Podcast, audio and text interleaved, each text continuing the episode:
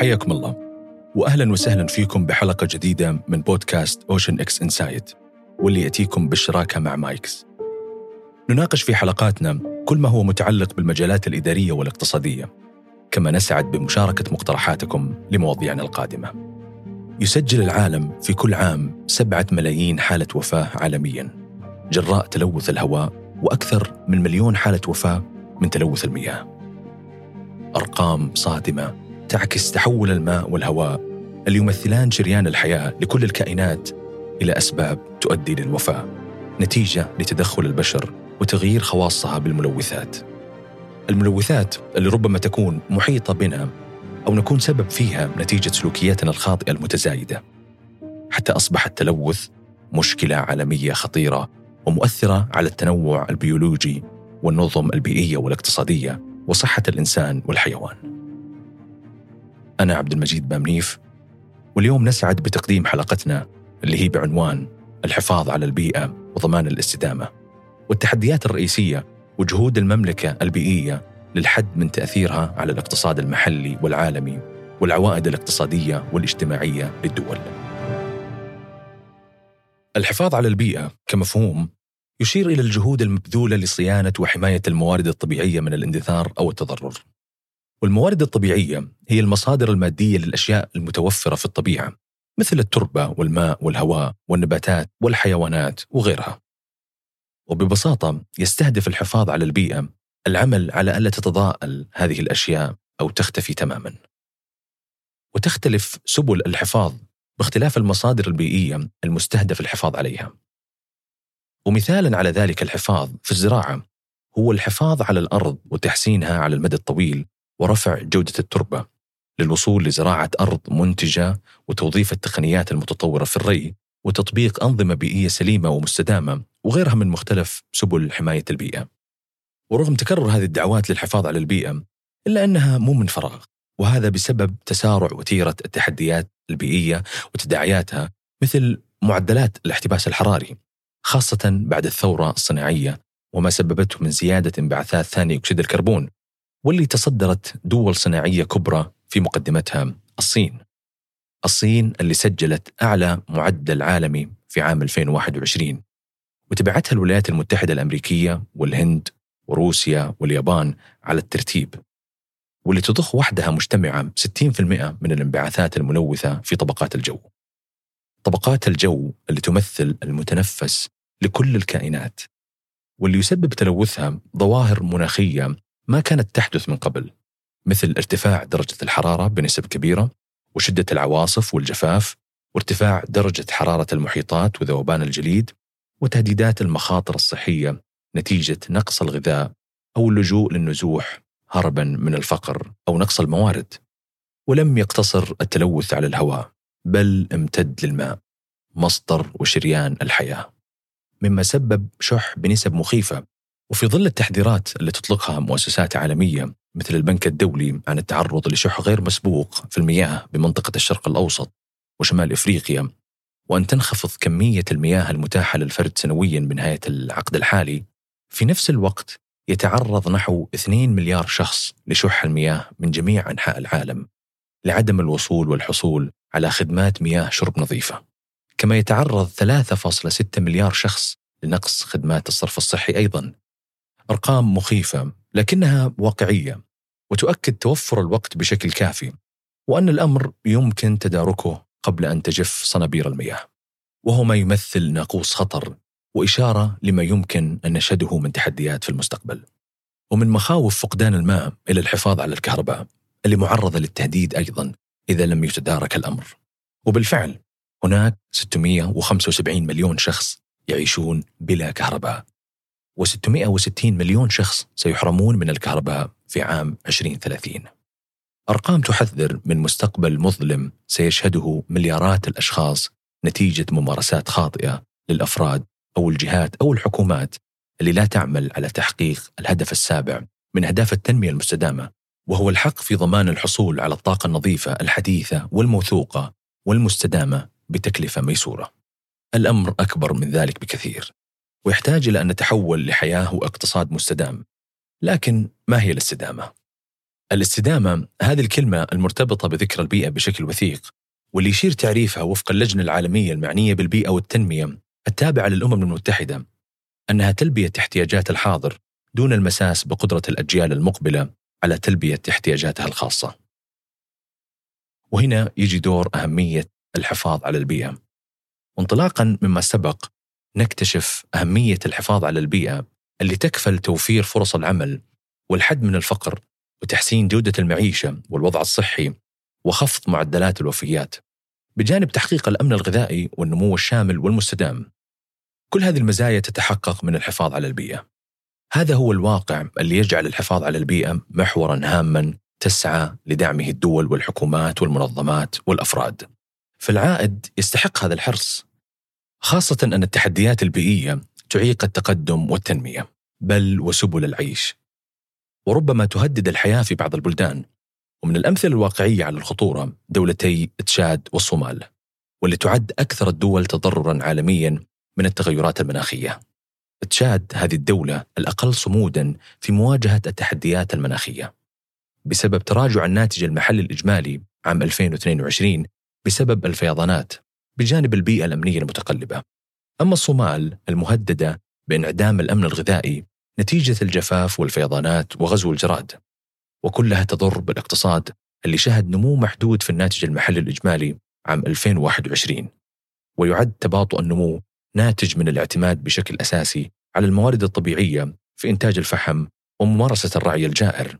ونتيجة لذلك تصبح الصومال أكثر عرضة للفقر.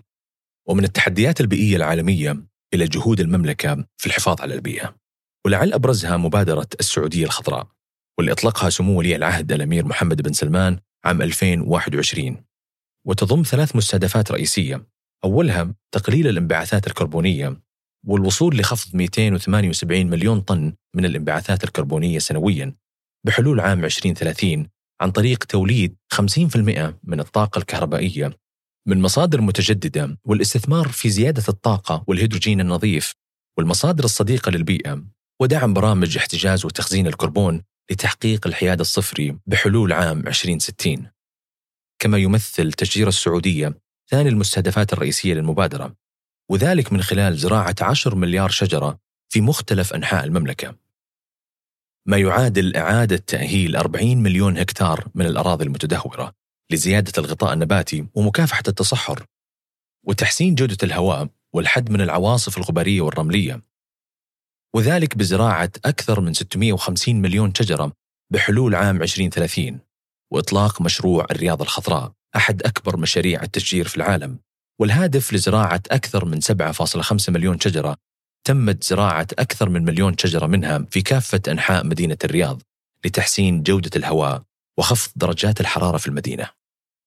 وتأتي حماية المناطق البرية والبحرية بنسبة تصل إلى 30% بحلول عام 2023 كمستهدف ثالث ليضمن الحفاظ على الطبيعة والحياة البرية والبحرية المتنوعة. عبر مبادرات تعزز التنوع البيولوجي وإنشاء وتطوير المحميات الطبيعية والإدارة المستدامة للمناطق الصحراوية والغابات والجبال والمساحات البحرية.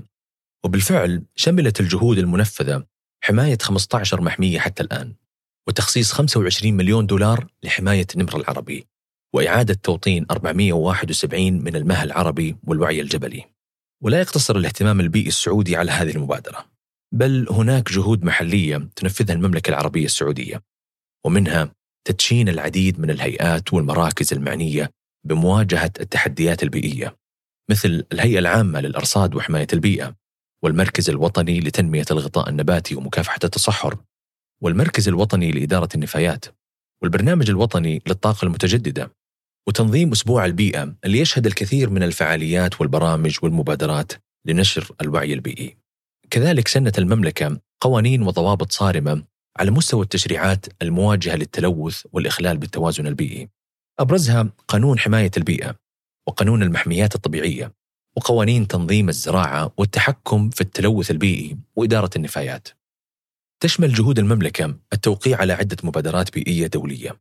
أهمها الانضمام إلى التحالف العالمي للمحيطات واللي يعمل على حماية 30% على الأقل من المحيطات حول العالم بحلول عام 2030 عبر التوسع في المناطق البحرية المحمية والمشاركة في التعهد العالمي بشأن الميثان والالتزام بخفض انبعاثات الميثان العالمية بنسبة تصل إلى 30% بحلول عام 2030 وكذلك الانضمام لمبادرة الأمم المتحدة للرياضة من أجل العمل المناخي بجانب التوافق مع العديد من الاتفاقيات والمواثيق الدولية اللي تمثل إطار ومسار لمواجهة تداعيات التغييرات المناخية.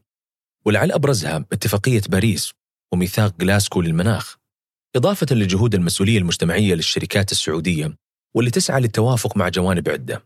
أهمها القوانين والضوابط البيئية للحد من التلوث وخفض الانبعاثات.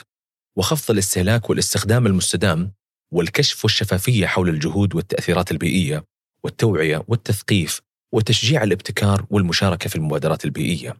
وفي نفس الوقت تسعى المملكة والعديد من دول العالم إلى تطبيق تجارب وحلول للحفاظ على البيئة وضمان الاستدامة ترتكز على ثلاث محاور رئيسية. هي مشاريع الطاقة المتجددة وإعادة التدوير والاقتصاد الدائري. وفي إطار اهتمام المملكة بمحور الطاقة المتجددة دشنت استراتيجية للتنمية الوطنية الشاملة لدعم تنوع مصادر الطاقة واللي تهدف الوصول إلى 9.5 جيجا واط بحلول عام 2030 و54 جيجا واط بحلول عام 2040 والتوسع في استثمارات القطاع الخاص في مصادر الطاقة المتجددة والعمل على خلق تنافسية للطاقة المتجددة من خلال تحرير سوق المحروقات تدريجيا. ومن الطاقة إلى إعادة التدوير اللي تتشابك مع الاقتصاد الدائري في التأثير بحيث يكون استخدام الموارد لمرات عدة بدل مرة واحدة ليخفض بذلك الانبعاثات ومعدلات الاحتباس الحراري. وفي هذا السياق تعمل المملكة على الوصول إلى خفض انبعاثات ثاني أكسيد الكربون بمقدار 73 مليون طن وإنتاج 346 مليون وحدة حرارية بريطانية من الطاقة.